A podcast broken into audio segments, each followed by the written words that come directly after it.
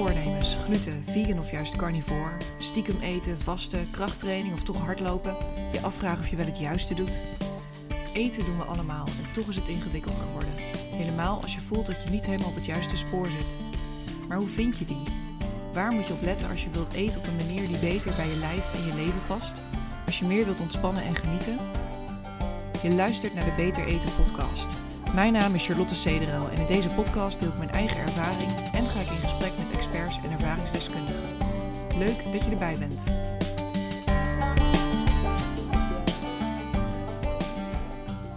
Hey, lieve luisteraar. Wat leuk dat je luistert. Ik vind het echt heel leuk, merk ik. Ja, om dit uh, te doen. Ik vind het ontzettend leuk om deze podcast te maken. En leuk dat er dan naar wordt geluisterd. Zeg maar. Ik heb zelf ook zoveel gehad aan verhalen van andere mensen, ervaringen van andere mensen, inzichten. En dat dit gewoon bestaat, dat we dit met elkaar kunnen doen, dat we elkaar kunnen helpen, dat we ons kunnen herkennen in elkaar. Dat, ja, dat vind ik echt iets geweldigs. En dat is eigenlijk waar ik deze podcast voor maak. En iets waar ik in mijn hele reis rondom eten eigenlijk ook heel veel aan heb gehad. En dat is ook waar ik deze aflevering graag verder op in wil gaan. Ik weet nog niet precies hoe ik de aflevering ga noemen. Um, want het, ja, het is iets waar niet zo heel veel over gesproken wordt. Um, maar het is wel iets waar ik veel aan heb gehad. Dus ik ga zo gewoon praten en dan zien we wel waar we uitkomen en wat uiteindelijk de titel wordt van deze aflevering. Maar waar ik op in wil gaan is um, een aantal dingen die ik heb geleerd uh, in mijn hele reis rondom voeding, en ja, zelfbeeld, het belang daarvan in mijn leven, uh, de acceptatie daarvan en hoe ik eigenlijk rust ook heb gevonden in voeding of hoe ik steeds meer rust aan het vinden ben, laat ik het zo zeggen.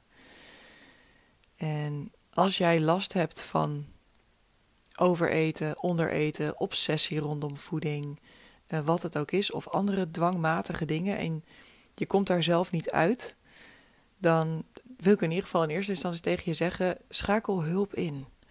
Ik heb echt heel veel hulp eh, ingeschakeld in mijn leven. En ik ga zo vertellen zeg maar, waar ik dan veel aan heb gehad, nu tegen het einde. Maar ik heb echt sinds mijn achttiende uh, zoveel gedaan uh, rondom mijn issue met voeding. En je, begon met een praatgroep voor mensen met een eetstoornis, of vooral jonge meiden was dat dan. En ook uh, cognitieve gedragstherapie, individuele therapie, haptonomie. Ik heb echt van alles gedaan. Uiteindelijk ben ik vooral meer met meditatie en nou ja, spiritualiteit, om het zo maar even te noemen. Ik vind dat niet echt een term, maar een beetje, een beetje wat ik bedoel. Daar meer mee in aanraking gekomen, maar altijd heb ik me daarin laten begeleiden. Altijd heb ik me laten coachen. En weet je, dan stond ik wel weer even een paar weken, maanden, misschien jaren op eigen benen. En dan kwam het toch weer terug en dan schakelde ik weer hulp in. En ik heb daar zoveel aan gehad. En niks daarvan was de oplossing. Ik denk echt dat de heilige graal in dit hele proces niet bestaat. Er is geen quick fix. Er is geen instant oplossing. Het is gewoon een heel proces van je steeds, van jezelf steeds meer accepteren en steeds meer omarmen eh, met alles wat erbij hoort. En dat is ook de weg naar steeds meer bevrijding eigenlijk. En dat is gewoon een weg. En daar zijn ontzettend veel hulpmiddelen zijn daarvoor. En er zijn ontzettend veel mensen voor die je bij kunnen helpen. En nou ja, ik ben dus heel erg blij dat ik heel veel goede, inspirerende mensen daarin in mijn omgeving heb gehad. Want je, ja, je kunt heel veel uit jezelf halen. En uiteindelijk zitten alle antwoorden in jezelf en al die dingen zijn waar.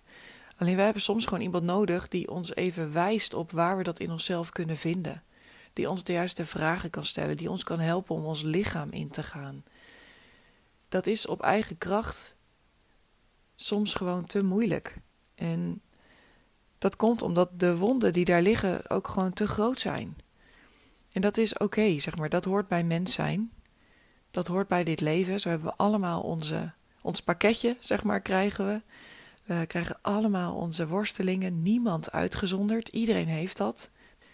Dat is oké, dat hoort erbij. En het zijn eigenlijk uitnodigingen om jezelf te verdiepen, om jezelf te leren kennen, om beter voor jezelf te gaan zorgen. Alleen dan moet je wel de moed en de bereidheid hebben om naar binnen te gaan. En daarvoor is het gewoon heel fijn als iemand met je meekijkt. En er zijn in mijn ogen twee argumenten die mensen vaak aanhalen om dat niet te doen, om geen hulp in te schakelen. De eerste is van ja, zo erg is het bij mij niet. Dat heb ik zelf ook heel lang gedacht. Helemaal uh, ja, met dat eten, weet je wel. Als je een eetprobleem hebt, dan hoor je gewoon super mager te zijn. Nou ja, dat ben ik niet geweest. Ik ben wel eens periodes echt wel heel dun geweest. Dat mensen tegen mij zeiden van Charlotte, um, jeetje, wat ben je mager. Maar ik heb ook periodes gehad dat ik juist wat steviger was. Dus dat ging best wel heen en weer.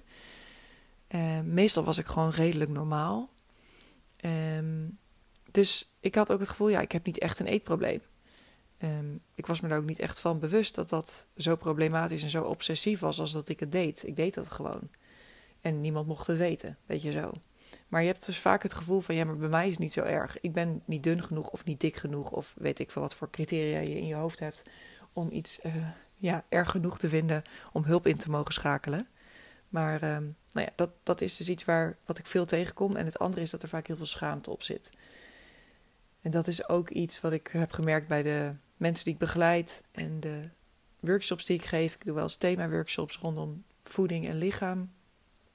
En veel van de mensen die dan komen, vertellen thuis niet dat ze naar een workshop gaan. Wat gaat over eetproblematiek of wat gaat over overeten of iets in die trant. Durven mensen gewoon niet te zeggen, omdat er zoveel schaamte en zelfafwijzing op zit. En ah, ik, ik herken het. Alleen dat is zo'n essentieel onderdeel um, om daaruit te komen, dat er openheid gaat ontstaan. En dat je het in contact durft te brengen, dat je het ruimte durft te geven, dat je het onder ogen kan komen. En um, zolang het zo iets beschamends is in je en je er echt niet over durft te praten, um, er in jezelf ook eigenlijk niet aan durft te denken, blijf je het wegstoppen. En blijf je al die gevoelens die maken dat je in bepaalde patronen terechtkomt, bijvoorbeeld eten, drinken, roken, um, I don't know, seks, whatever het voor jou is. Ja, dat die gevoelens die daaronder liggen, die maken dat je dat doet. Ja, die, die, die blijven daarmee ook afgedempt. En dan moet je het blijven doen. Dus die, die schaamte en dat schuldgevoel, dat helpt niet. Dus ik merkte ook gewoon, vooral in die groepsworkshops, als ik allemaal vrouwen bij elkaar had, die allemaal worstelden met eten. En daar voor het eerst dus echt open over konden zijn wat dat deed. Wow, dat was echt al. Dan hoefden we nog niet eens een familieopstelling te gaan doen, zeg maar, of een oefening. Het was gewoon al die openheid. Eindelijk dat stuk van jezelf kunnen laten zien. Ah, dat was al zo'n grote stap en zo'n bevrijding. En ik wil niet zeggen, dat is ook geen quick fix. Maar dit is wel essentieel in het hele proces. En als jij dus worstelt met die gevoelens van schaamte of schuldgevoel, dan zou ik ook echt tegen je willen zeggen van relax. We worstelen allemaal met bepaalde dingen. Wat ik net ook zei, niemand uitgezonderd. En de een heeft dit, de ander heeft dat. Um, maar we hebben allemaal een bepaald pad te lopen waarin we worden uitgenodigd om naar binnen te gaan. En of dat nou, weet je, de ene is verslavingsgevoeliger dan de ander, maar een ander wordt ziek. Of verliest zijn of haar moeder op een hele jonge leeftijd. Of er gebeurt iets anders. En ja, ook zoiets als ziekte bijvoorbeeld. Dat, nou, ik, ik weet niet of het met een reden gebeurt, dat weet ik niet. Maar het is wel een mogelijkheid voor jou om daar lessen uit te halen. Om jezelf te leren kennen, om jezelf te verdiepen. Om te groeien in bewustzijn. En dat is wat vrijheid oplevert. En daarin hebben we allemaal onze weg te gaan. Nou, je kunt hetgeen waar je mee worstelt, dat kun je van allerlei verschillende hoeken aanvliegen. Je kunt kijken, oh, ik wil mijn patroon veranderen, ik wil zeg maar mijn gedrag veranderen, dus ik ga regels maken, ik ga mindsetwerk doen, ik ga mijn gedachten trainen. Ehm, je kunt naar een diëtist gaan, ehm, je kunt je familiesysteem helemaal uitdiepen door familieopstellingen te doen en daar je patronen onder ogen te komen, te zien waar trauma's zijn ontstaan en op die manier ja, vrijer daarvan worden. Uh, je kunt vorige levens ingaan. Je kunt bijvoorbeeld met behulp van uh, imaginatie of hypnose. Uh, je kunt met shamanistische rituelen of plantmedicijnen de weg naar binnen gaan afleggen. er zijn ongelooflijk veel manieren en aanvliegroutes. En wat mij betreft zijn die allemaal goed. Er is niet het een beter dan het ander. Ik denk ook dat het allemaal waar is. Ik denk dat het waar kan zijn dat er vorige levens of parallele levens zijn. Ik denk dat het waar is dat, er, dat je dingen uit je familiesysteem met je meedraagt die belastend zijn. Ik denk dat het waar is dat je je gedachten kunt trainen om positiever over jezelf te denken, om meer ontspanning te vinden, om zelfverzekerder te zijn. Ik denk dat het allemaal waar is. Dus het gaat echt over het vinden van welke route werkt voor jou. Wat spreekt jou aan? En wat voelt voor jou als een goede ingang om bij jezelf naar binnen te gaan? En welke route je daarin ook kiest, wat voor mij het belangrijkste is, is dat de energie die eronder zit en de emoties en de gevoelens die eronder zitten, dat die de ruimte krijgen. En of die nou de ruimte krijgen doordat je je bewust wordt van vorige levens, waarin je misschien verbrand bent als heks, waardoor je nu nou, iets in jou altijd terugkomt, angsten um, of een onderdrukt gevoel, zoiets. En je gaat dat wegeten, dan moet dat onderdrukte gevoel en die angst, die moeten ruimte krijgen. Als jij met familieopstellingen erachter komt dat jouw ouders jou nooit hebben gezien. En dat je ongelooflijk bang bent om het fout te doen. Omdat je zo graag gezien wilde worden door je ouders. Dat je nu altijd die angsten hebt en altijd zo hard je best doet. Maar die, die, dat gevoel van, oh ja, ik ben bang om niet goed genoeg te zijn. Dat moet de ruimte krijgen. Dus of je dat nou op manier X of Y of Z doet, het gaat erom dat die energie de ruimte kan krijgen. En dat het verhaal wat er aan vastgeplakt zit, ja, gezegd kan worden. En je hoeft daar niet in te blijven hangen. Ik, het is mijn ervaring, hoe meer ruimte het kan krijgen, hoe meer het gevoeld kan worden, hoe meer het jou loslaat. En hoe vrijer je dus ook wordt, hoe minder jij hoeft te eten, te drinken, te roken, te gamen om jouw gevoelens niet te voelen. En een van de vele dingen die ik heb gedaan in mijn hele reis rondom eten is dat ik bij een zelfhulpgroep ben geweest. Ik heb daar iets van een jaar dat ik naar die meetings ben gegaan. Daar wordt niet zoveel over gesproken. Het is ook best wel anoniem allemaal. Als je er een beetje induikt, van wat voor groepen er allemaal zijn. Die zijn echt voor alles. Zo'n beetje alle dingen waar je mee worstelt zijn zelfhulpgroepen voor. Zitten vaak een beetje onder de radar. Omdat heel erg de filosofie is: als jij eraan toe bent om dit te vinden en om je hierbij aan te sluiten, dan komt het wel op je pad. En ik heb er ook gewoon eens een keer van gehoord dat ik Gabby Bernstein, dat is een, uh, ja, een schrijfster, een auteur uit uh, de USA, een keer erover hoorde praten. Toen ben ik erover gaan lezen. Er zijn ook wat podcasts over ik ben daarnaar gaan luisteren, ik ben erover gaan lezen en zo ben ik zelf een keer naar zo'n groep gegaan, wat over eten ging. En ik heb daar echt veel aan gehad op verschillende manieren. Ten eerste om mij te verbinden met mensen die ook worstelden met voeding. En die gewoon dezelfde gekke gedragingen hadden, die dezelfde terugvallen hadden tussen aanhalingstekens, of dezelfde zelfafwijzing, of de, dus gewoon Ah, om, en ik had er al heel veel over gepraat hoor in mijn leven, maar daar me verbinden met mensen die in hetzelfde schuitje zaten, dat was in eerste instantie best wel even fijn. Om wat uit die zelfafwijzing te komen en me begrepen te voelen. Tegelijkertijd voelde ik me ook weer niet helemaal begrepen. Ik voelde me ook echt wel anders. Maar ja, dat, dat heb je natuurlijk al gauw. Je voelt je al gauw anders.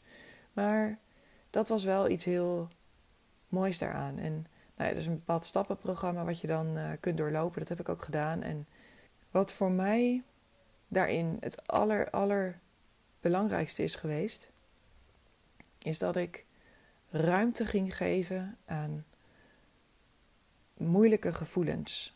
En dat doe je door alle situaties, mensen, gebeurtenissen, whatever het is dat in jou leeft de, helemaal uit te schrijven. Dus je gaat kijken waar zit emotie op, waar word ik getriggerd. Is dat als mijn baas iets doet? Is dat als mijn moeder iets tegen me zegt? Is dat als ik door een supermarkt loop? Is dat als ik Instagram open en ik zie een supermooi meisje iets doen? Is het, wat is het als je, je partner iets tegen je zegt? Wat is het dat jou triggert, dat jou raakt, waar je gevoelens over hebt, waar je boos over bent? Wat is het? Uh, wat zijn situaties waarin jou iets is aangedaan? Dus mensen die echt over jouw grenzen zijn gegaan. Wat zijn situaties waarin jij over andermans grenzen bent gegaan? Waarin ben jij fout geweest tussen aanhalingstekens? Dat ga je allemaal uitschrijven aan de hand van een bepaald protocol. Dat is veel werk. Maar je moet dus echt jezelf in. En dan ga je dat helemaal uitdiepen met je begeleider. En op die manier ga je dus helemaal ruimte geven aan die gevoelens die daar aan ten grondslag liggen. Ik heb bijvoorbeeld in mijn hele eetproblemencarrière ook eten gejat uit supermarkten. Ja, daar is er, dat is natuurlijk iets heel stoms. Alleen, er is een reden voor dat ik dat deed. Wat zit daaronder? Wat is de angst die onder mijn gedrag zit? Waarom doe ik dat? En um, nou ja, zo zijn er heel veel meer situaties waarin ik onhandig heb opgesteld of, of niet helemaal zuiver heb gehandeld en zo. En wat, wat is daar de reden voor? Want er is altijd een reden voor. En dat de ruimte gaan geven, dat ontdekken eigenlijk in jezelf, letterlijk ontdekken in de zin van je komt erachter. Um, en je ontdekt het dus ook, als in je haalt de laag eraf je gaat, en je komt erachter, is eigenlijk ook een mooi woord, want je gaat erachter van hé, hey, wat zit er dan achter? dat ik dit doe. Want er zijn redenen voor. En je leert dus ook van, oh man, daarom doe ik dit. Oh, it's okay. Weet je wel? Dat, ik, ik, er zijn gewoon hele goede redenen waarom ik ben gaan doen wat ik doe. En dat geeft je zoveel om daarnaar te kijken, dat je er eigenlijk ook wel. Ja, dat is zo'n hulp geweest in er ook mee stoppen. En nog steeds gaat het niet altijd goed ik ben echt niet heilig geworden hierdoor. Maar het heeft me wel zoveel meer zelfliefde, zelfacceptatie en vrijheid opgeleverd in de dingen die ik eerst deed. Ja, en dat onder begeleiding doen is voor mij echt heel helend geweest. En uh, nou ja, er zit, er, veel, er zit veel meer in dat stappenprogramma. Inmiddels begeleid ik ook mensen en ik, ik ga niet meer naar die groepen. Ik voelde me daar uiteindelijk ook meer niet zo thuis. Maar het begeleiden van de mensen hierin vind ik wel ontzettend mooi om te doen. En um, ja, ik kom er iedere keer ook weer achter hoe essentieel het is om zo'n proces te doorlopen. Als je wilt stoppen met je dwangmatige gedachten of gevoelens of gedrag, dan helpt het gewoon heel erg om dit hand in hand met iemand te doen. En ja, ja, voor mij heeft zo'n zelfhulpgroep daarin dus wel veel betekend. En dat ben ik nu aan het doorgeven. Heel dankbaar werk. Ehm, er zijn andere manieren om dat ook te doen. Ehm, bijvoorbeeld met een goede coach of iets in die hoek. Maar laat je daarin ondersteunen. Want heel vaak zien we de dingen niet waar het eigenlijk om gaat. Die hebben we te lang weggestopt. En ja, bijvoorbeeld, er zijn in mijn leven echt wel mensen over mijn grenzen gegaan. Mannen zijn over mijn grenzen gegaan. En dat is niet fijn. Maar dat voelen, als in de pijn en de boosheid en het verdriet en de zelfafwijzing en alles wat erbij kwam, voelen. En ook erachter komen waarom dat is gebeurd. Ik bedoel, ja, ik vind echt wel dat de volle verantwoordelijkheid voor wat daar gebeurt, of wat er gebeurt in grensoverschrijdend gedrag, ligt bij de persoon die, die dat doet. Weet je, als, als meisje of als jonge vrouw ben je daar ook niet weerbaar tegen, fysiek niet, maar soms misschien ook mentaal, emotioneel niet. Alleen er is een reden waarom het wel gebeurt. In de zin van bij mij kan ik wel zien dat ik echt op zoek was naar bevestiging en aandacht. En dat dat ook een bepaalde behoeftige energie met zich meebrengt, waar andere mensen op kunnen inhaken. En nu ik dat, die, die, behoeftige energie niet meer heb, gebeurt dat niet meer. Ben ik daar helemaal niet meer interessant voor. Dus, en dat heb ik helemaal moeten doorvoelen. En dat is vrijheid. Dat geeft vrijheid. dat geeft ook vrijheid in eten, maar ook vrijheid in relatie met mannen, in mijn eigen relatie met mijn vriend. In, en ja, daar is zo'n proces van echt jezelf ingaan zo belangrijk voor geweest bij mij. En um, ja, dat soort zelfhulpgroepen zitten vaak een beetje onder de radar. En dat is helemaal goed. Het hoeft niet groot. Het komt op je pad als het op je pad komt. En ik wil daar verder ook niet te veel over zeggen, behalve dat het er is. Voor allerhande issues. Niet alleen voor eten of drugs of alcohol, voor allerhande issues. Dus als jij, als dit iets in je raakt, dan wil ik je graag aanmoedigen om eens op de website te kijken of een keer een online meeting bij te wonen.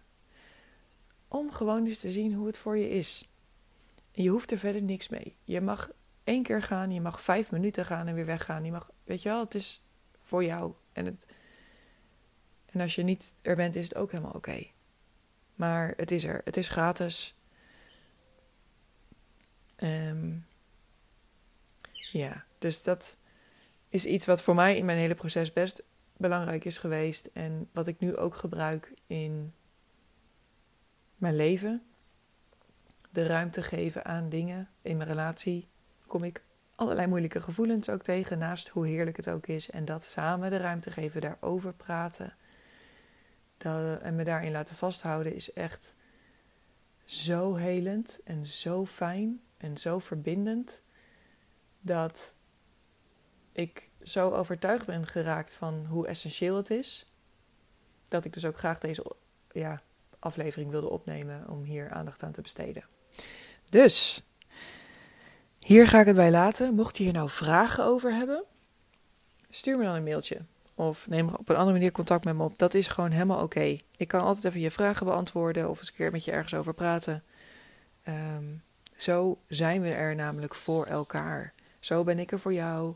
Zo ben jij er weer voor iemand anders. Dat is wat we doen als mensen. En je, moet het zelf doen, maar niet alleen. Dat is zo'n uh, gevleugelde uitspraak. That's true. Um, dus wij zijn er voor elkaar. En um, ja, maak daar gebruik van. Want dat gaat het heel veel fijner maken. Oké, als je hem helemaal tot hier hebt geluisterd, tof. Ik ben benieuwd wat het je geeft. Ik hoop dat het je iets geeft. En, um, en dan wens ik jou verder gewoon nog een hele mooie dag of avond. En dan, wie weet, tot een volgende keer.